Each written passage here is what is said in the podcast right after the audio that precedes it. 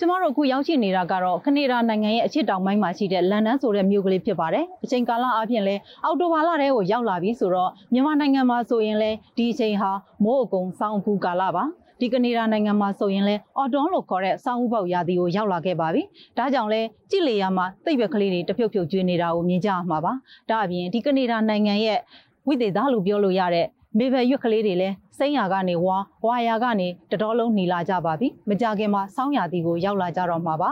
ဒီနေရာဒီဒေသမှာလူမျိုးမတူဘာသာမတူပထဝီအရလည်းဝေးကွာလုံးနဲ့ကျမတို့မြန်မာပြည်ွားတွေရောက်ရှိနေတာကလည်းထူးခြားမှုတစ်ခုပါပဲသူတို့ဘာကြောင့်ဒီနေရာကိုရောက်လာခဲ့တာလဲဘယ်လိုအကြောင်းတရားတွေကစိစော်တိုက်တွန်းခဲ့တာလဲသူတို့ဒီမှာဘယ်လိုရုန်းကန်ဖြတ်တန်းကြတယ်လဲစတဲ့အကြောင်းအရာတွေနဲ့ပတ်သက်ပြီးစီစဉ်တင်ဆက်ပေးထားတဲ့ TVB ရဲ့တို့ပြည်တို့မြေ Global အစီအစဉ်ဖြစ်ပါတယ်ရှင်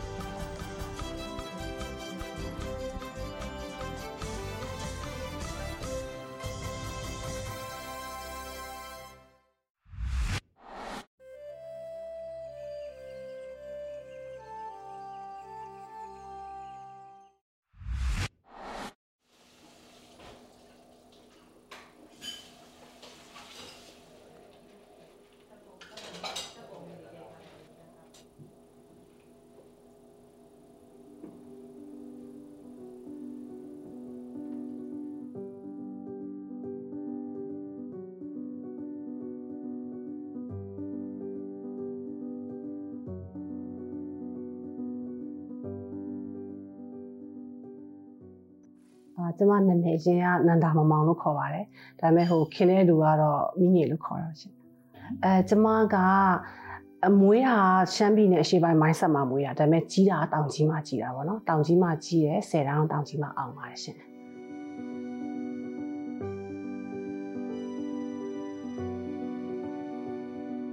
ဟိုကျမဆယ်တန်းအောင်ပြီးတော့မှဟိုစမှုတက်လို့တက်တာပေါ့နော်မန္တလေးအဲ့ဒါပြီးတဲ့အခါကျတော့ရန်ကုန်မှာအလုပ် 3လေးနှစ်လောက်လိုက်တာပေါ့နော်လုပ်ပြီးတော့မှကျွန်မ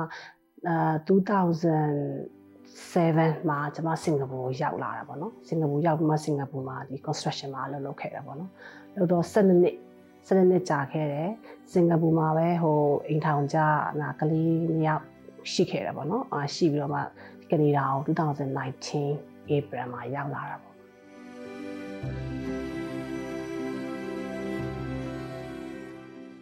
ဟိုဘောလာတော့ကတော့ study study visa နဲ့လာတာပေါ့နော် study visa နဲ့လာတယ်လာပြီးကျမက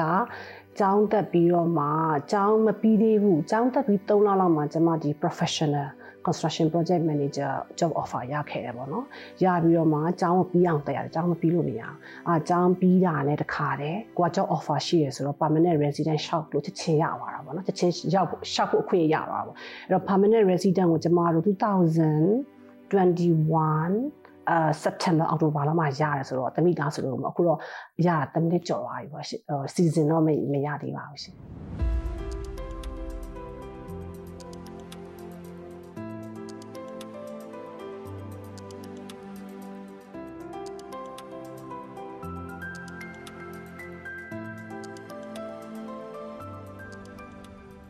နေတာရောက်လာတဲ့ခါကျတော့ အဲအဓိကပြုတ်သွားတဲ့ struggle ပါဆိုကလေးရဲ့ပညာရေးနဲ့ပတ်သက်ရင်စင်ကာပူလိုမျိုးအရန် challenge မရှိတော့ဘူးဒီမှာအိမ်စာဆိုတာလုံးဝမရှိအိမ်စာဆိုတာလုံးဝလည်းမရှိပေးလည်းမပေးဘူးကလေးအဲ့ဒါကိုယ့်ရဲ့လုံးဝဟိုယူပလိုက်တာပေါ့ struggle ကြီးပေါ့နော်ပြီးတော့နောက်တစ်ခုကပါဆိုစင်ကာပူမှာကကျန်းမာရေးနဲ့ပတ်သက်လာရင် ဆောက်ရှောက်မှုအရန်ကောင်းတယ်သူ့ပေမဲ့ cost ပါတာပေါ့နော်နည်းနည်းဆိုရှင်ဟိုဟာဖြစ်ရတယ်ကွာအရန် spend လုပ်ရတယ်ဥပမာမီးဖွားဆိုရှင် permanent resident တဲ့မှာမီးဖွားဆိုရိုးရိုးမီးဖွားဆို9000 8000ဒေါ်လာဖွဲမွေးရဆိုတောင်းကနန်းကုန်တာအဲ့လိုမျိုးပေါ့နော်ပြီးတော့မှကလေးတွေက foreigner ဆိုလို့ရှိရင်ဟိုအတူအတက်နဲ့အလိုက်ကကွယ်စီတစ်ခါထိုးရဆိုရှင်ဒေါ်လာကိုရာကနန်းထောင်ကနန်းထိပေးပြီးထိုးရတယ်။တခါကနေဒါရောက်လာတဲ့အချိန်မှာ permanent resident မရသေးတဲ့ foreigner status မှာတော့မှကလေးကကွယ်စီ twin free ထိုးရတာ အဲ့လိုမျိုးတွေပေါ့အာပညာရေးမှာပတ်သက်ပြီး stress လည်းမရှိတော့ဘူးပြီးတော့မှကျန်းမာရေးနဲ့ပတ်သက်တဲ့အခါမှာလည်းအစိုးရကဒီသူအောက်မှာပေါ့နော်သွားရဲဆိုခါကျတော့ကျမရေးနဲ့ပညာရေးကလုံးဝအစိုးရအောက်မှာရောက်သွားတဲ့အကြောင်းလို့ကျမတို့ဒီကိုရှာတဲ့ပတ်စံကဒီကိုနေဖို့ထိုင်ဖို့စားဖို့ပဲဆိုတော့ပြောမယ်ဆို50% stress လောက်ယူယူရတဲ့လိုမျိုးဟိုခံစားရတာပေါ့နော်အဲအဲ့ဒါဟိုအဓိက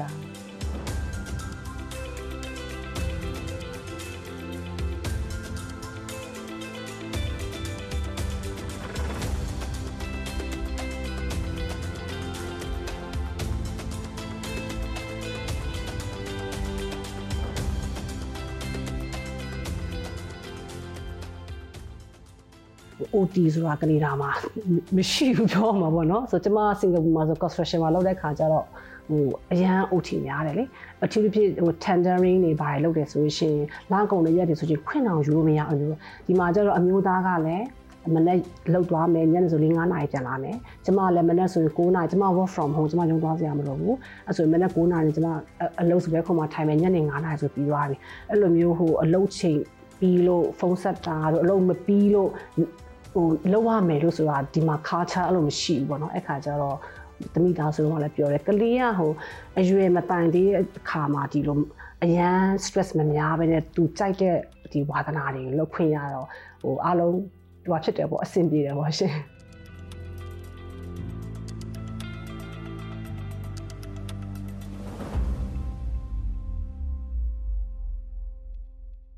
အဲပထမဆုံးပြောချင်တာအရန်ဝမ်းနေတာပေါ့နော်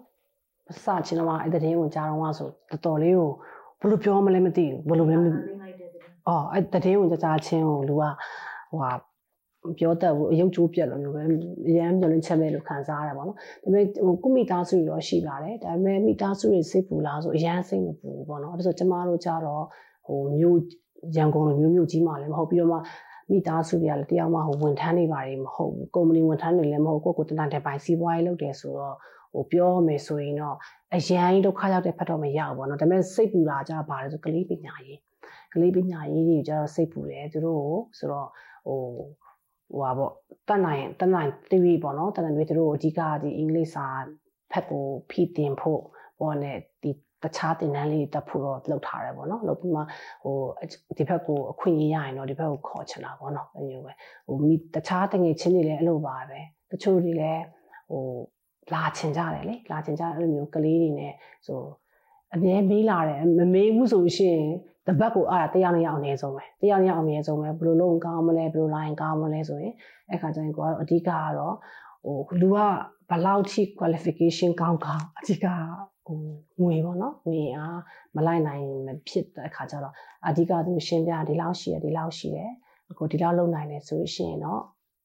စလို့ရတယ်အဲ့လိုမျိုးပေါ့နော်ဆိုတော့သူတို့ဒီမှာကြတော့အဲ့လိုမျိုး business လာပြီးတော့မှအလုပ်ရှာပြီးတော့မှ work pass ကိုပြောင်းဖို့ကတော့မရှိတာမဟုတ်ရှိတယ်ဒါပေမဲ့အရန်ကိုခက်ခဲမယ်ပေါ့အဲ့တော့ဒီနိုင်ငံမှာဒီအဲ့လိုမျိုးဥမာအတီးခူးတာတို့တချို့ဆိုမေးတယ်အတီးခူးတာတဲ့ဟို fan တို့ဘာတို့ပေါ့နော်အဲ့လိုမျိုးတွေဆိုရှင်တော့ဟိုအတုဖြစ်ဖို့များတယ်ပေါ့နော်တကယ်တမ်းကျရင်လို့ကနေဒါမှာကဗီဇာရှိမှအလုပ်ရတယ်ဥပမာဗီဇာကိုကျတော့ကိုကိုကိုကိုဖန်တီးယူရမယ်ဘယ်လိုလဲဆိုရှင်ဥပမာကိုရဲ့ spouse တယောက်ပေါ့နော်ကိုယ့်အမျိုးသားအမျိုးသမီးကကြောင်းတက်မယ်ဆိုရှင်ကိုယ့်ရဲ့အိမ်ထောင်ဘက်က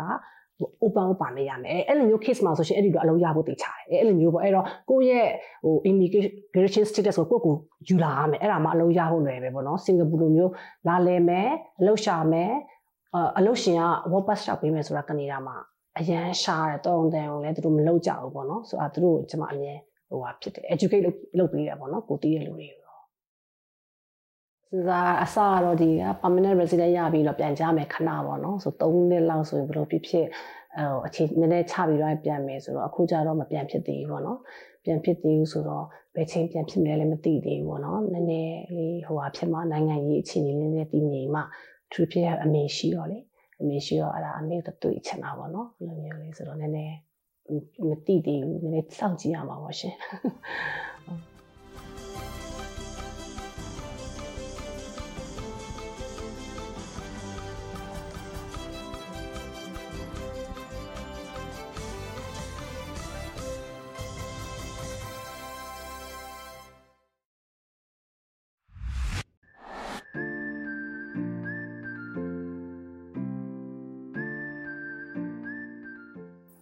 ကျမတို့ဒီနေ့ပြုလုပ်မဲ့စကားဝိုင်းလေးကတော့ဒီကနေဒါနိုင်ငံလန်ဒန်မြို့မှာ ပြုလုပ်တဲ့စကားဝိုင်းလေးဖြစ်ပါတယ်ဒီလန်ဒန်ဆိုတာကတော့ကျမတို့ UK နိုင်ငံကလန်ဒန်တော့မဟုတ်ပါဘူးဒါကနေဒါနိုင်ငံထဲမှာရှိတဲ့လန်ဒန်ဆိုတဲ့မြို့ကလေးပါအဲ့တော့ဒီမြို့ကလေးမှာနေကြတဲ့ဒီမြို့ကလေးရဲ့ထူးခြားတဲ့အကြောင်းအရာလေးတွေနဲ့ဒီမြို့ကလေးမှာနေကြတဲ့အဲမြန်မာပြည်ပွားတွေသူတို့ဘလို့ရှင်သန်ရုန်းကန်ကြတယ်လဲဆိုတာတွေနဲ့ပတ်သက်ပြီးတော့ဒီနေ့ပြောကြားသွားမယ့်စကားဝိုင်းစီစဉ်လေးဖြစ်ပါတယ်ဒီမှာဒီစကားဝိုင်းလေးကိုဖိတ်ခေါ်ထားတဲ့ပုံကွန်တို့နဲ့မိတ်ဆက်ပေးပါမယ်ပထမတူကတော့ကိုတမောင်တူဖြစ်ပါတယ်80ချက်မျိုးဆက်ပါနောက်တူကတော့ဆီယမန်ကျော်စုဖြစ်ပါတယ်ဆီယမန်ကျော်စုကလည်း80ချက်မျိုးဆက်တူပဲဖြစ်ပါတယ်ရှင်အခုတော့တူဒီလန်ဒန်ကိုရောက်တာအော်ဘယ်လောက်ကြာသွားပြီလဲပေါ့ဘယ်ချိန်ကစပြီးရောက်လာခဲ့တာလဲနောက်ပြီးဘာအကြောင်းနဲ့ရောက်လာခဲ့တာလဲအဲ့ဒါလေးကိုရင်ပြောပြပေးပါဟုတ်ကဲ့ကျွန်တော်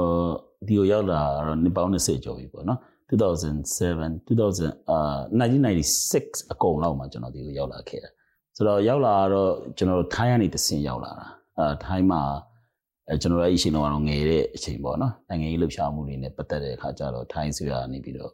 ဟိုအချင်းချပြီးတော့ပေါ့3နှစ်ပေါ့နော်အဓိကကတော့ကျွန်တော်တို့အဲ့ဒီအချိန်တုန်းကကျတော့ Thai Student Federation တော့နောက်ပြီးတော့ရှင်ဒီ Thai NGO တွေပေါ့နော်ကျွန်တော်တို့နဲ့သူတို့နဲ့အစည်းအဝေးတွေလုပ်တယ်အထူးဖြင့်ကတော့အဲ့ဒီတုန်းကကျွန်တော်တို့ဒီယေဒနာ gas pipeline ပြီးလို့ရှိရင်တန်ဝင်ရေကာတာစီမံကိန်းစစ်အစိုးရအဲ့ဒီအချိန်တုန်းကစစ်အစိုးရအတွက်ပေါ့နော်ဟိုကြားတော့ နောက်ခံအားပေါ့နော်ငွေအားဖြစ်စေမယ်ဆိုတာကျွန်တော်တို့ကသိခဲ့တယ်ဒါကြောင့်ကျွန်တော်တို့က campaign တွေလုပ်ဖို့အတွက်အစည်းအဝေးပေါ့နော်ကျွန်တော်တို့ကလျှို့ဝက်ပုံစံမျိုးအစည်းအဝေးကျွန်တော်တို့ကလုပ်တယ်အဲ့တော့ကျွန်တော်တကားပိတ်အစည်းအဝေး3ရက်3ရက်လုပ်တဲ့တဲမှာဒုတိယနေ့မှာကျွန်တော်တို့ကအဲ့ဒီမှာထိုင်းဒီအာနာပိုင်တွေကကျွန်တော်တို့ဝင်ဖမ်းအဝင်ဖမ်းပြီးတော့ကျွန်တော်တို့ထောင်ချတာပေါ့နော်ဒါပေမဲ့သူတို့မှာထောက်ထားတွေကကျွန်တော်တို့ဒီ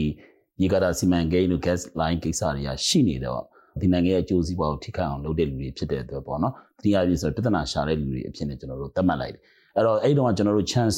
ပေးတာကနိုင်ငံခြားထွက်ရင်ထွက်သုံးမြန်မာပြည်ပြန်ပေါ့နော်နိုင်ငံခြားထွက်ဖို့ဆိုတာအဲ့ကျွန်တော်ကျွန်တော်ငယ်သေးတော့အရန်ကိုကျွန်တော်တို့ရဲ့ burning desire ပေါ့နော်ကျွန်တော်တို့ဒီမြန်မာပြည်မှာပြောင်းလဲဖြစ်ပေါ်နိုင်ဖို့အတွက်ကျွန်တော်တို့ကစန္ဒအားကြီးတဲ့အခါကျနိုင်ငံခြားထွက်ဖို့လည်းကျွန်တော်တို့ကမစဉ်းစားခဲ့ဘူးဒါပေမဲ့၃နှစ်ကြာလာတဲ့အခါကျတော့ပြန်စဉ်းစားတဲ့အခါကျတော့ပေါ့နော်ကျွန်တော်တို့ဒီ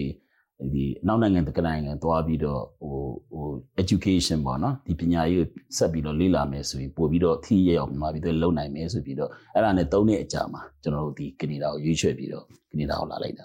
ကျွန်တော်ရောက်လာတာလည်းပဲကွန်တင်မောင်ထူးတဲ့စာချင်းတော့တစ်နှစ်ကျွန်တော်တော့စောတာပေါ့နော်ကျွန်တော်က1994မှမရဆိုနိုဝင်ဘာလပေါ့ကျွန်တော်တို့ကန်ကောင်းတာတော့ကနေဒါဆိုရ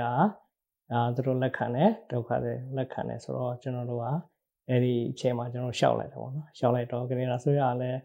အများဆုံးသူလုပ်ပေးတယ်ကျွန်တော်ဒီမလာခင်လာခွင့်မရခင်မှာတော့ကျွန်တော်အခက်အခဲတွေတခုဖြစ်တာပါဗျာဒီဒုက္ခသစမ်းမှာတချို့မလိုလားတဲ့လူတွေရှိတယ်ဟုတ်လားသူတို့မလိုလားတဲ့လူတွေကဘာလဲဆိုတော့ UNHCR ရုံးမှာသွားပြီးတော့မိရှို့တာတွေရှိလောက်တယ်လောက်တော့ကျွန်တော်တို့က UNHCR ရုံးလည်းပိတ်တယ်တန်ရုံးတွေကလည်းမခေါ်တော့ဘူးအကုန်လုံးရပ်သွားတယ်အဲ့ဒီမှာကျွန်တော်တို့ကတကယ်ကိုဟာလာမျောလင်းချက်ရှိတာနေရာမျောလင်းချက်က ကုံဆုံးသွားလို့ဖြစ်သွားတယ်ဆိုတော့ကျွန်တော်တို့ဘာလုပ်ရလဲဆိုတော့စာရေးရတယ်စာရေးတော့ကျွန်တော်တို့ဒုက္ခဆံမှာဒုက္ခေကြဆိုကျွန်တော်တို့ထိုင်လို့ဖြစ်ဘူးကျွန်တော်စာရေးမယ်ဆိုတော့ကျွန်တော်အားလုံးတိုင်ပင်ပြီးတော့စာရေးကြစာရေးကြတဲ့ခါကျွန်တော်တန်ရုံအကုန်လုံးပို့တယ်ဟုတ်လား US America Australia ပေါ့နော်သူတို့ကအဓိကခေါ်နေတော့အဲတော့ကျွန်တော်အစည်းအဝေးသူတို့ခေါ်နော်တန်ရုံကကိုယ်စလဲတွေပြီးတော့ဒီမနီလွိုင်းမှာရှိတဲ့အုပ်ချုပ်ရေးမှုတွေသူတို့ကျွန်တော်နဲ့ခေါ်တွေ့ပေးတယ် အဲ့ဒီမှာကျွန်တော်ခုနပြောပြတယ်ဒီအချင်းတို့လိုရှိတယ်အဲ့ဒီအခါမှာသူတို့နားလည်သွားတယ်နော်ဒါအဖြစ်စီပဲဖြစ်စီနောက်ရှစ်ဖြစ်တယ်အဲ့ဒါကျွန်တော်ကိုယ်တိုင်ပဲကျွန်တော်ပါဝင်ခဲ့တယ်ကျွန်တော်ကိုယ်တိုင်ပဲသူရှိမှသူတို့ကျွန်တော်ပြောပြခဲ့တယ်အဲ့တော့မှသူတို့ပြန်ဖွင့်ပေးတယ်အဲ့ဒါနောက်ဆုံးကြတော့ကျွန်တော်တို့တိုင်းရောင်းတွေကဒီကိစ္စကို resettlement program ပြန်ဖွင့်ပေးတယ်ပြီးတော့ဒီ unit ဆရာရုံးကလည်းပဲထွက်မဲ့လူတွေကိုအများဆုံးထွက်နိုင်အောင်သူတို့စီစဉ်ပေးတယ်ဆိုတော့အဲ့မှာဒီထိုင်း ဟာလာဒီဒုက္ခတွေအုပ်ချုပ်ရေးအဖွဲ့တွေလည်းပဲသူတို့ကိုင်းကူညီတယ်ဆိုတော့ကျွန်တော်တို့ကအရင်ရှိထားပြီးသား program ပြန်စလို့ရတာပေါ့နော်အဲ့တော့ကျွန်တော်အနေနဲ့ကတော့အဲ့ဒါတခုတော့ကျွန်တော်တို့ကအကောင်းတယ်ပေါ့အကောင်းတယ်လာလားအဲ့ဒါနဲ့ပဲကျွန်တော်ကနေဒါကိုရောက်လာဆိုတော့ဒါဒီအချိန်ကအဲ့ချိန်ကတော့ကနေဒါအများဆုံးခေါ်လိုက်တဲ့အုပ်စုပေါ့နော်အဲ့ဒီမတန်ရဆိုရင်ကျွန်တော်လန်ဒန်မှာဆရာဝန်မိသားစုတစုပဲရှိတယ်နော်ကျွန်တော်ကျွန်တော်ရောက်လာတဲ့အချိန်မှာအော်တဝါအများဆုံးရောက်တယ် တချို့ကဘန်ကူးဘာကိုရောက်တယ်တချို့ကတော့ကျွန်တော်တို့ဒီမှာဒီလန်ဒန်ကိုရောက်တယ်ပေါ့နော်ဟုတ်အဲအဲ့လိုမျိုးပေါ့ဒါလည်းပဲကျွန်တော်ရောက်လာ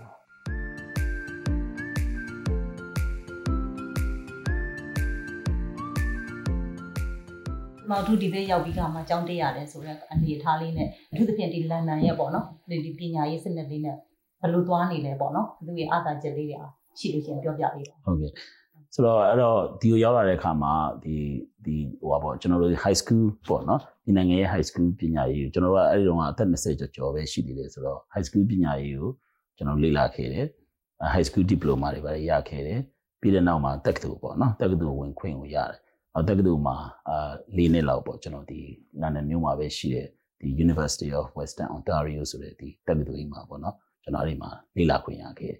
နိုင်ငံရေးရဲ့နိုင်ငံရေးဘာသာရေးနဲ့စီးပွားရေးဘာသာရေးနေရာကိုကျွန်တော်အဓိကမေးကြပေါ့နော် double concentration double ပုံစံမျိုးနဲ့ကျွန်တော် study ခဲ့ဒီမှာကျတော့ကျွန်တော် university တွေ college တွေက public uh, publicly funded ပေါ့အစိုးရအနေပြီးတော့ support ပေးထားတဲ့ဥစ္စာတွေပေါ့ဟိုကျောင်းကလည်း generate income ကိုလုပ်တယ်တစ်ဖက်မှာကျတော့လေဟိုဟိုပါပေါ့ဒီဒီအစိုးရနေထောက်ပံ့တယ်ဆိုတဲ့အခါကျတော့ကျောင်းစရိတ်ကဒီနိုင်မှာနေဒီမှာနေတဲ့လူတွေကတော့တက်တာတယ်ဥပမာဆိုလို့ရှိရင်အရင်တော့ဆို9000တနေ့9000 အခုဆိုရင်တော့9000နဲ့1000လောက်ရှိတယ်ဒါပေမဲ့တခုတည်းပြောရမယ့်ချက်တစ်ချက်ကကျွန်တော်တို့ဒီ international student ဆိုလို့ရှိရင်သူကနှစ်ဆနှစ်ဆပို့ပေးရတာအဲ့ဒါတော့ရှိပါတယ်လန်ဒန်ရဲ့ထူးခြားမှုတစ်ခုကကြတော့ကျွန်တော်မြင်ရသလောက်ဆိုရင်ကျောင်းသူကျောင်းသားတွေရောနောက်ပြီးတော့ experience ရှိထားပြီးသားကျွန်တော်တို့စင်ကာပူမှာဒီ engineer လုပ်နေတဲ့လူမျိုးတွေပေါ့နော်ကျောင်းအလုပ်ကင်လုပ်နေတဲ့လူတွေဒီမှာကျောင်းဝင်ပြီးတော့ဒီမှာ permanent resident တွေရတော့တဲ့လူတွေလည်းအများကြီးရှိနေမှာဒါလန်ဒန်ရဲ့ဒီပညာရေးရ opportunity တစ်ခုပေါ့ထူးခြားမှုတစ်ခုပါ ကျွန်တော်ဒီမှာရောက်လာတော့ဟိုစားကျွန်တော်ရဲ့ focus ကပါလဲဆိုတော့ပထမဆုံးကျွန်တော်ကအလုပ်ရှာဖို့ရယ်ကျွန်တော်ကကန်ကောင်းချင်တော့အဲ့ဒီမှာအိန္ဒိယဟာလာပါကစ္စတန်မျိုးသမီးတယောက်ပိုင်းနဲ့ variety store ပေါ့နော်ဒီမှာဆိုရင် minimal လေးရှိတယ်ဆိုတော့ကျွန်တော်အလုပ်လျှောက်တဲ့အချိန်မှာသူကကျွန်တော်စိတ်ဝင်စားပြီးတော့ကျွန်တော်အလုပ်ပေးတယ်ဒါပေမဲ့အလုပ်ကကျွန်တော်ညပဲလုပ်ရတယ်ညဆိုရင်7နိုင်စလုပ်တယ်မနေ့7နိုင်အထိလုပ်ရတယ်ညလုံးလုပ်ရတယ် လုပ်ပြီးတော့ကျွန်တော်နေ့လဲဆိုကျွန်တော်ပြန်အိတ်တကြီးအိတ်ပြီးတော့ကျွန်တော်ဘာသွားလုပ်လဲဆိုတော့ကျွန်တော်နေတဲ့အိမ်ဘေးနားကျောင်းပေါ့နော်သူတို့ခေါ်တာ adult education ပေါ့အဲ့ဒီအထက်တန်းအားလားလူကြီးတက်ကြီးကျောင်းပေါ့နော်အဲ့ဒီမှာကျွန်တော်သွားပြန်တက်ရတယ်ဆိုတော့အသက်ကြီးတဲ့လူတွေအတွက်ကသူတို့ကဟိုလိုအပ်တဲ့ဟိုစာဘာသာရေး grade အကုန်လုံး credit အကုန်လုံးမလို့ဟုတ်ကဲ့ရှင်ကနေဒါရဲ့ပညာရေး system ကသူတို့ကဘာကိုအားပေးလဲဆိုတော့ creative တွေနော်ကိုယ့်ဟာကိုယ်စူးစမ်းကိုယ့်ဟာကိုယ်ရှာဖွေလိုချင်တဲ့အချက်လိုက်ကိုကိုယ့်အောင်ရှာရတယ်ဆရာကနေပြီးတော့ဟာလာဟို automatic ခင်ဗျာအလွယ်လွယ်လေးနဲ့ပြောပြဆိုတော့မရှိဘူးအဲ့ဒါတခုအကျွန်တော်တို့ကောင်းအများကြီးသင်ခန်းစာရဟုတ်ကဲ့အဲ့တော့ကျမတို့အခုဒါကနေဒါနဲ့ပတ်သက်ပြီးတော့တော်တော်များများပြောပြပါပြီကျမတို့အဲ့ဒါမိကုံချုပ်အနေနဲ့ဆိုလို့ရှိရင်တာမြန်မာပြည်အကြောင်းလေးနဲ့ကျမတို့မိကုံချုပ်ပါအောင်ပါအဲ့တော့ကိုဒီမောင်ထူးတို့ကလည်းဒီလိုမျိုးတွေကြုံတွေ့ခဲ့ရတယ်ဆိုတော့ဒါနဲ့ပတ်သက်ပြီးကိုဒီမောင်ထူးတို့ရဲ့ခံစားချက်ပေါ့နော်ဒါလေးတွေကိုမိကုံချုပ်အနေနဲ့ဆွေးနွေးပေးပါလား ဆိုတော့ဒီအထူးသဖြင့်လူငယ်တွေပေါ့နော်ဒီလူငယ်တွေရဲ့ဟိုအနာဂတ်ပေါ့နော်ပျောက်ဆုံးနေရတဲ့အခြေအနေမျိုးအခုဆိုတနည်းကျော်နေပေါ့နော်အဲ့တော့ဒါကတော့ကျွန်တော်တို့မြင်နေတာပေါ့ကျွန်တော်တို့တစ်ဖက်မှာကျတော့ဘာလုပ်ပေးနိုင်တယ်လဲဟောကျွန်တော်တို့ဘာတွေများကူညီပေးနိုင်တယ်ဒီလူငယ်တွေနဲ့ပတ်သက်ပြီးတော့ဥပမာလန်ဒန်ဆိုလို့ရှိရင်တလို့ကျွန်တော်ပြီးခဲ့တဲ့3ရက်လောက်ကတွေ့တယ် King's College ပေါ့ Western University မှာ campus ၄ခုရှိတယ်အလေးခုတည်းက King's College ဆိုတာအဲ့ဒီမှာသူကသူ့ရဲ့ website မှာဆိုလို့ချင်း သူကတီးတီးတတာရှင်းရှင်းလင်းလင်းရေးတယ်မြန်မာကျောင်းသားများတဲ့ scholarship ဘယ်နိုင်ငံမှမတွေ့ပြီလေကျွန်တော်တော့တွေ့တာပေါ့နော်အဲ့တော့ King's College ကအဲ scholarship ဆိုတာ scholarship ပုံစံအမျိုးမျိုးနဲ့ပေါ့နော်ဒီမှာကျောင်းသားကျောင်းသူတရားဝလာ study မယ်ဆိုရင်ဒီ program ဒီ program တွေတော့ရှိတယ်သူတို့တဲ့ပိုပြီးဦးစားပေးမယ်ဆိုတဲ့ပုံစံမျိုးဒါမျိုးတွေကကျွန်တော်တို့ဒီ London မှာဒီ Western University ရဲ့ King King's College မှာရှိတယ်ကျွန်တော်တို့ small study တွေတော့လုပ်နေတာရှိတယ်ဥပမာပြီးခဲ့တဲ့ကျွန်တော်ရက်ပိုင်းနှစ်ရက်လောက်ကဆိုရင်ဒီကကျောင်းဆရာဆရာမဟောင်းနေပေါ့နော်ဒီ ဒီအထက်တန်းကျောင်းနေမှာ principal ပေါ့နော်ဒီကျောင်းကြီးလုပ်ခဲ့ဘူးတဲ့လူတွေ retire ဆရာဆရာမတွေနဲ့အာ teachers for Myanmar ဆိုတာမျိုးပေါ့နော် Facebook မှာရိုက်ကြည့်လိုက်လို့ရတယ်အဲ teachers for Myanmar ဆိုတဲ့ program ရှိတယ်ဒါပေမဲ့ तू က public မလုပ်သေးဘူးပေါ့နော်ဘာလို့ဆိုတော့ဒီ security reason ပေါ့ကျွန်တော်တို့မြန်မာပြည်မှာဖြစ်ခဲ့တယ်လို့မျိုးမိဖတွေရဲ့နာမည်တွေပါတယ်တခုဖြစ်သွားမှာဆိုလို့ပေါ့အဲ့တော့ကျွန်တော်တို့တက်နိုင်တယ်လို့လုပ်ဖို့အစီအစဉ်တော့ရှိတယ်ဆိုတော့ပြောချင်ပါတယ်ဆိုတော့ဒီအခြေအနေမှာ ကျွန်တော်အနေနဲ့ကတော့လူငယ်တွေရှေ့လျှောက်သူတို့အနာဂတ်ကတိုင်းပြည်ကိုဥဆောင်မဲ့လူတွေဟာသူတို့ focus ဆောက်စေချင်တယ်ကျွန်တော်ပညာရေးနဲ့တိုင်းပြည်တည်ဆောက်ရေးပြန်လဲလုပ်စေချင်တယ်တာဝန်ရှိတဲ့ဟလာသက်ဆိုင်ရာတာဝန်ရှိတဲ့အစိုးရအဖွဲ့အစည်းတွေကလည်းပဲတကယ်သာတိုင်းပြည်ရဲ့အကျိုးစီးပွားကိုလိုလားတယ်ဆိုရင်ဒီစစ်ပွဲကိုအမြန်ဆုံးပြီးအောင်ကျွန်တော်အဆုံးသတ်ဖို့လိုတယ်ငင်းချင်းဆိုဆွေးနွေးစာနဲ့ဟာလားငင်းချင်းနဲ့နီးနဲ့ ဖြည့်ရှင်းပြီးတော့ပဲကျွန်တော်ကဒီစိတ်ပေါ်အဆုံးသတ်လို့ရတယ်ဆိုတော့ကျွန်တော်ဒီမှာတော့ဘာခေါ်လဲဆိုတော့ဟို crisis prevention intervention technique ပေါ့နော်ပြိပခအကြီးကြီးဖြစ်တော့မယ်ဆိုရင်မဖြစ်ခင်မှာကျွန်တော်ကလက္ခဏာတွေ warning sign တွေကျွန်တော်ပြတယ်အဲ့ဒီအချိန်မှာကျွန်တော်ဘာလုပ်ရလဲဆိုတော့ဒီပြိပခအကြီးကြီးမဖြစ်အောင်ရှောင်လွှဲရမယ်နည်းလမ်းတွေရှိတယ်နော်ဒါတွေကိုကျွန်တော်ရှောင်လို့ရတယ်အဲ့ဒါတွေကိုကျွန်တော်မလုပ်နိုင်ခဲ့ရင်ဒီပြိပခကြီးသွားတယ်ဆိုတော့ကျွန်တော်ပြောချင်တာကတော့ ဒီအချိန်မှာရောက်လာတဲ့ခါကျရင်ဒီ crisis ကိုကျွန်တော်က short ချ short ချတဖြည်းဖြည်း short ချနောက်ဆုံးဒီ crisis ကနေပြီးတော့ကျွန်တော် normalization ဖြစ်အောင်ကျွန်တော်ပြန်လုပ်အောင်ဆိုတော့ဒီနေရာမှာလူငယ်တွေကအခုချိန်မှာရှိတဲ့လူငယ်တွေဒီမှာဒီမှာရှိတဲ့လူငယ်တွေပညာရေးဘယ်လိုအနေနဲ့ပဲဖြစ်ဖြစ်ကျွန်တော်ပြန်ပေးရမယ်နိုင်ငံခြားမှာလာပြီးပညာသင်တဲ့လူရှိရင်လည်းနိုင်ငံရေးရသူတို့ဟာလာစိတ်ဝင်စားတဲ့နိုင်ငံရေးနဲ့ပတ်သက်ပါတဲ့တွေရှိတယ်လေ့လာလို့ရတယ် ဥပမာ technology ကျွန်တော်တို့နိုင်ငံမှာအများကြီးလိုရတယ်နောက်စီးပွားရေးပညာရပ်ဘာသာရပ်တွေစီးပွားရေးပြန်လဲတည်ဆောက်နေမှာကျွန်တော်လိုရတယ်ဘက်ပေါင်းစုံကလိုအပ်ပါတယ်အဲ့တော့ကျွန်တော်တို့ဟိုမှာပြင်ထွေးရလူငယ်တွေကိုအားပေးတယ်ပညာသင်ပါကြိုးစားကြပါဒီနေ့စီစဉ်မှာဝင်ရောက်ပြီးတော့ဆွေးနွေးပေးကြတဲ့ပုဂ္ဂိုလ်တို့ဦးစလုံးကိုကျေးဇူးတင်ပါတယ်ဒီဘက်ကကိုတမောင်ထုကိုလည်းကျေးဇူးတင်ပါတယ်ဒီဘက်ကဆီယမ်မန်ချော့ဆွေကိုလည်းကျေးဇူးတင်ပါတယ်အားလုံးကိုညီပေးတယ်ကြီးချုပ်နေတဲ့ပရိသတ်တွေကိုလည်းကျေးဇူးတင်ပါတယ်ရှင် ကျမတို့အခုရောက်ရှိနေတဲ့နေရာကတော့လန်ဒန်မြို့မှာနေတဲ့မြန်မာပြည်ပွားတူဖြစ်တဲ့ကိုကျော်စီသူရဲ့အိမ်မှာကိုကျော်စီသူကဒီကနေဒါနိုင်ငံကိုရောက်ရှိလာခဲ့တာဆိုလို့ရှိရင်နှစ်ပေါင်း20ကျော်ကြာခဲ့ပါပြီအခုချိန်မှာတော့သူဟာကုမ္ပဏီတစ်ခုမှာမန်နေဂျာအဆင့်ထိရောက်နေပါပြီသူ့ရဲ့ဖြတ်သန်းမှုသူ့ရဲ့ရုန်းကန်မှုအခြေအနေနဲ့ပတ်သက်ပြီးတော့ကျွန်မသူနဲ့တွေ့ဆုံပြီးတော့မေးမြန်းကြည့်ပါမယ်ရှင်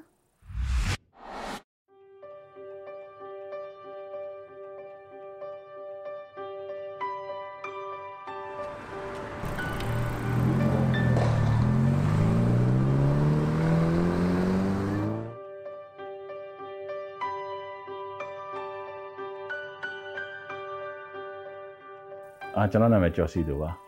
ကျွန်တော်ကနေဒါရောက်တာ25နှစ်ပေါ့ကျွန်တော်ကရှစ်လလုံးပြီးတော့အာနာသိမ်းပြီးနောက်ပိုင်းကျွန်တော်တောက်ခွလာတာအဲဒီတော့ကျွန်တော်10တန်းအောက်10တန်းဖြည့်ပြီးကစားပဲရှိသေးတယ်အာဖျားသုံးစုဘက်ကိုရောက်လာတာအဲဒီဖျားသုံးစုမှာကျွန်တော်က EBS 100နှစ်စကန်ကအာရဲဘော်တယောက်ပါအဲဒီတော်ရမှာပဲစစ်တနန်းနေတက်ရှည်တန်းထွက်စစ်တေးတိုက် ကျွန်တော်တို့နောက်ကထောက်ပံ့ကမလာတော့ဘူးအမ်ကြီးစံတွေပါတယ်မရှိတော့ဘူးရှေ့တန်းသွားလို့ရှိရင်ကြီးကတစ်ခါထွက်လို့ရှိရင်ကြီးတောင်း200ပဲရတယ်တောင်း200ပြီးရင်တော့ပြန်မယ်ရှေ့ဆက်ပြီးတော့တိုက်လို့မရတဲ့ခါကျတော့ကျွန်တော်သူများတွေလိုပဲဘန်ကောက်ထွက်လာခဲ့ပြီးတော့ထိုင်းနိုင်ငံပဲဝင်လာဘန်ကောက်ထဲရောက်အောင်သွားခဲ့တယ်ရန်ကုန်ဘန်ကောက်ရောက်ခွင့်ရေးပေါ်လာခဲ့တယ်အဲ့ဒီချိန်တော့၃နိုင်ငံ အမေရိကရဲ့ဩစတြေးလျရဲ့ကနေဒါရဲ့ကျွန်တော်၃နိုင်ငံလုံးရှောက်တယ်ဩစတြေးလျနဲ့ကနေဒါရတယ်ဒါပေမဲ့ကျွန်တော်ကနေဒါကိုရွေးခဲ့တယ်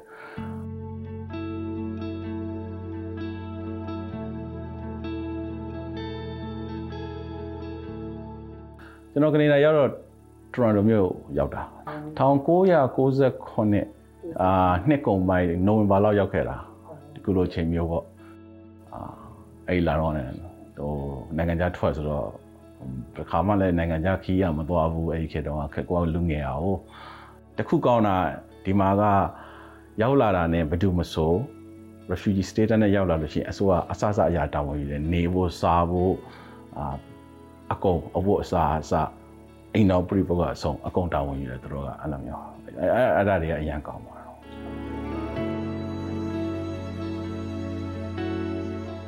ကျွန်တော်ကနည်းနည်းကန်ဆိုးတယ်ကျွန်တော်ကောင်ဆယ်လာကကျွန်တော်ကိုအလုပ်လုပ်ဖို့အတွက်ပို့ပြီးအားပေးတယ်ကျွန်တော်ကို ESL တက်ခိုင်းတယ် communication လုပ်လို့ရပြီဆိုတာနဲ့အလုပ်လုပ်ဖို့အလုပ်ချဖို့ပဲပြောတယ်သူအဲ့လောက်ဖိအားပေးတော့6လရောက်ပြီး6လမှကျွန်တော်အလုပ်ထဲစဝင်လာအာလုပ်တော့ဟာဟုတ်ပြီပေါ့အလုပ်လေးရတော့ညဘက်ရတော့ပျော်နေတဲ့အချိန်မှာတစ်ပတ်ပဲကိုယ်ခံတယ်ကိုကမသိလိုက်ဘူးသူကမကြိုက်ဘူးမလို့ဘူးပေါ့အာကံကောင်းကျင်တော့တငယ်ချင်းတယောက်ဗမာပဲစိတ်ယုံတယောက်မှာလုပ်လုပ်နေအဲ့ဒီစိတ်ယုံက Maryland ဆိုတဲ့စိတ်ယုံ တော့ဖုန်းခေါ်တော့တော့ခေါ်လာတယ်မင်းအလုပ်လို့လားယူမလားအလုပ်လုပ်မလားဟာလုပ်မှာပေါ့အလုပ်လုပ်နေတာဆိုတော့အဲ့အလုပ်ထဲဝင်သွားတာအဲ့ဒီနေ့ကစပြီးတော့ဒီနေ့အထိအဲ့ဒီချိန်အောင်အဲ့ဒီအလုပ်အောင်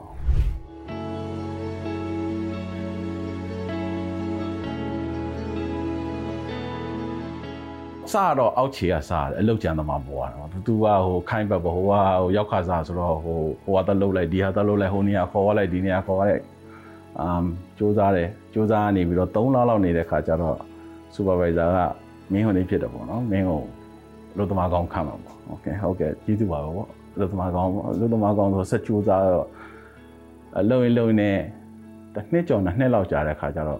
သူတို့ကျွန်တော်ခေါ်ပြီးတော့တက်တူတက်တိတ်ခေါ်ပြီးတော့အင်တာဗျူးတယ်မင်းစူပါဗိုက်ဇာလုပ်ချင်တာငါဘာမှမသိဘူးလို့ပညာနဲ့မတက်ဘူးနေနဲ့မပြောသူတို့ပြောတယ်မပူနဲ့ငါတို့သင်မယ်ဆိုတော့အဲ့ဒါနဲ့အဲ့ဒီအလုပ်ကိုလက်ခံလိုက်တယ်အဲ့တော့စူပါဗိုက်ဇာဖြစ်လာ ဒီ company မှာပဲလုပ်နေရင်ねဒီ company ကတိုးချဲ့မှာပေါ့နော်ငါတို့ကအခု east မှာငါတို့အနောက်ဘက်သွားမယ်အနောက်ဘက်မှာသွားပြီးနောက်ထပ် company ဒီ company ကိုပဲသွားထပ်ဖွင့်မယ်ဆိုတော့မင်းသွားမလားပေါ့အဲ့ဒီတော့ကျွန်တော်ကလည်း single ဆိုတော့ရာသွားမှာပေါ့ Alberta Alberta ရောက်သွားတယ် Alberta Calgary ပဲရောက်သွားတယ်အဲ့ဘက်ရောက်သွားတဲ့ခါကျတော့သူတို့ကကျွန်တော်ရဲ့အလုပ်ကြိုးစားမှုအာလုတ်သက်ကြာလာပြီဆိုတော့လေအဲ့ဒါနဲ့ကျွန်တော်အဲ့ဒီမှာစပြီးတော့အဲ့ဒီ production manager ဆိုပြီးတော့ ကျွန်တော်ခံတာ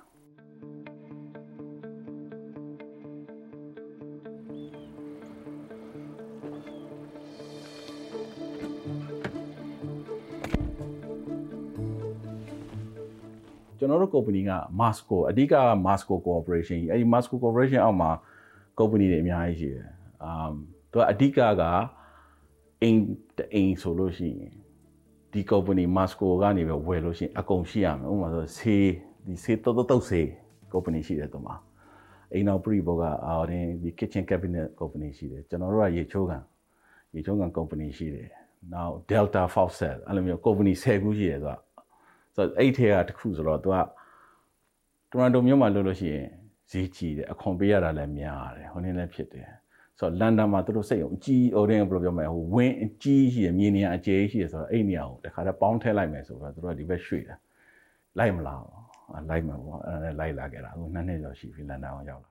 အခွန်ကတော့အခုကနေဒါအခွန်တအားများတာဟိုကိုကဝင်လဲပေးရတယ်ကိုပတ်စံရရင်လဲသူတို့ကိုပေးရတယ်ဒါပေမဲ့ခုနကပြောဆိုပေါ့နော်ကျမ်းမာရေးဥမာကိုကကျွန်တော်ဆေးရုံတစ်ခေါက်တက်လိုက်ရတယ်ကျွန်တော်သွားပြီးတော့ဗာလဲဟိုဟိုဆေးရုံတစ်ခေါက်တက်ပြီးတော့ဗာခေါ်လဲ gall bladder ထုတ်လိုက်ရစားဖြစ်တဲ့နေ့ကနေစတေးကြီးတေးကြီးထုတ်လိုက်ရစားဖြစ်တဲ့နေ့ကနေစပြီးတော့တပတ်လုံးလုံးဆေးရုံကနေရတာကျွန်တော်တပြားမှမပေးခဲ့အောင် ဒါပေမဲ့အမေရိကမှာသာကျွန်တော်အဲ့လိုမျိုးဟိုတင်းမရှိဘူးအမေရိကမှာဆိုရင်အာတသိန်းကျော်ပဲဒေါ်လာတသိန်းကျော်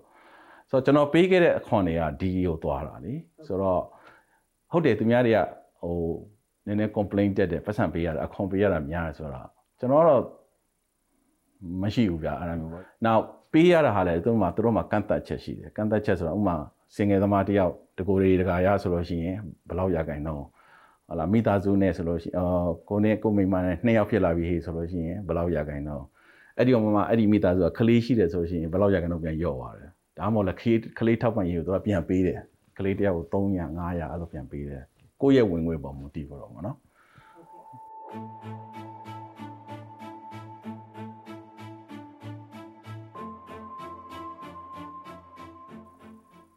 PDF တွေလည်းတနတ်တွေရပြီတိုက်ကြတယ်အရန် ချီကျူဖို့ကောင်းတယ်အရန်လေးစားဖို့ကောင်းတယ်သူတို့လှုပ်လိုက်လို့ရှိရင်အဲ့လိုမျိုးပေါ့နော်တကယ်ကိုထိထိရောက်ရောက်နဲ့ဒါပေမဲ့ကျွန်တော်စိုးရိမ်နေတာတစ်ခုရှိတယ်ကြီးစံကြီးစံမရှိရင်ဒီ PDF တွေဘယ်လိုနဲ့မှဆက်မတိုင်နိုင်အောင်ကြီးဖို့ထောက်ပံ့ကြပါလို့ကျွန်တော်တိုက်တွန်းခြင်းတယ်နိုင်ငံတကာလူတွေအဓိကကကြီးပဲကျွန်တော်တွေးသမျှလူတိုင်းကျွန်တော်အဲ့တိုင်းပြောတယ်ကြီးစံဖို့အရေးကြီးတယ်ကျွန်တော်တို့ဒီတစ်ခေါက်မှမနိုင်လို့ရှိရင်ကျွန်တော်တော့မထင်တော့ကျွန်တော်ဒီသက်မြင်ရမယ်ဒီမိုကရေစီမြင်ရမယ်လို့တော့မထင်ဘူးဘာမှပြင်ပါလေ အဲ့ဒါတခုတော့အရန်ကိုစိုးရိမ်တယ်အဲ့ဒါကြောင့်မလို့ကိုရတဲ့ပတ်စံအနေနဲ့လင်မယားနှစ်ယောက်မိန်းမလည်းလုပ်ကိုလည်းလုပ်ရတဲ့ပတ်စံလေးတွေနဲ့အဲ့လိုမျိုးလာစဉ်ကတော့လှူနေရတော့ဗောနော်